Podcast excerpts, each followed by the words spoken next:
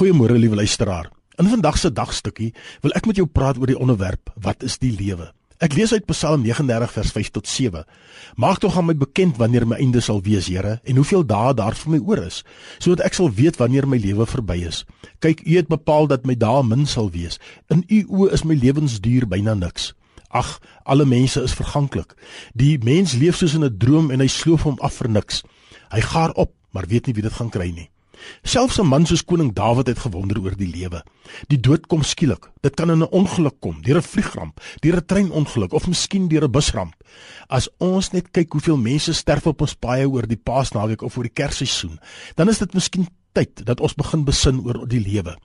In hierdie 'n week en selfs vandag gaan baie mense sterf in ongelukke of aan siektes of weens ouderdom. Nie een van ons wil graag dink aan die dood nie, maar Hebreërs 9 vers 27 is duidelik. 'n Mens is bestem om net eenmaal te sterf en daarna kom die oordeel. Ek weet van mense wat nogal oud geword het. Adam het 930 jaar geleef. Noag 950 en Metusalem 969 jaar. Dis nogal oud, maar wie sê dat jy en ek so oud gaan word? Job sê in hoofstuk 14 vers 1 dat die dae van die mens maar kort is. Dink net hoe kort was gister of die aantal jare wat jy al op aarde is. Hoe kort is my lewe? Jakobus 4 vers 14 sê dit is soos 'n damp. Psalm 144 vers 4 sê die lewe is soos 'n skaduwee. Dit laat my dink aan die man wat ter dood veroordeel is. Toe hy voor die laksman staan, vra die laksman of hy iets wil sê voordat hy ewigheid ingaan. Die man het sy horlosie afgehaal en vir die laksman gegee met die woorde: "Waar ek nou heen gaan, gaan ek dit nie nodig kry nie." Psalm 103 vers 15 sê dat die lewe soos gras is. Dit is dus een groot onsekerheid, maar ook een groot geleentheid. Hoe sal jou sterfbed wees? Vir alles behalwe.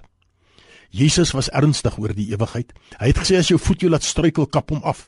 As jou oog jou laat struikel, ruk hom uit. As jou hand jou laat struikel, kap hom af.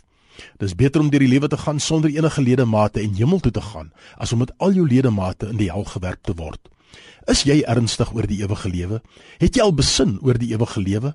Of dink jy daar is nog baie tyd? Die horlosie stap aan en jou uurglas loop leeg. Jesus het gekom vir die ewigheid.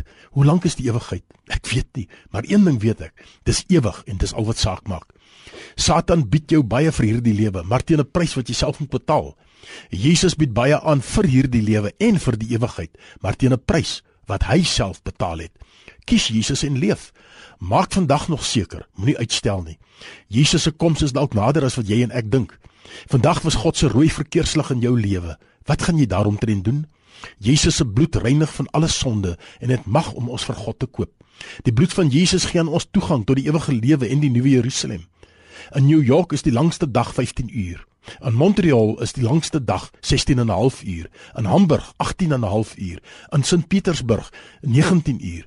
En dank God in die nuwe Jerusalem, die toekomstige woning van al die gelowiges, daar hou die dag vir ewig aan.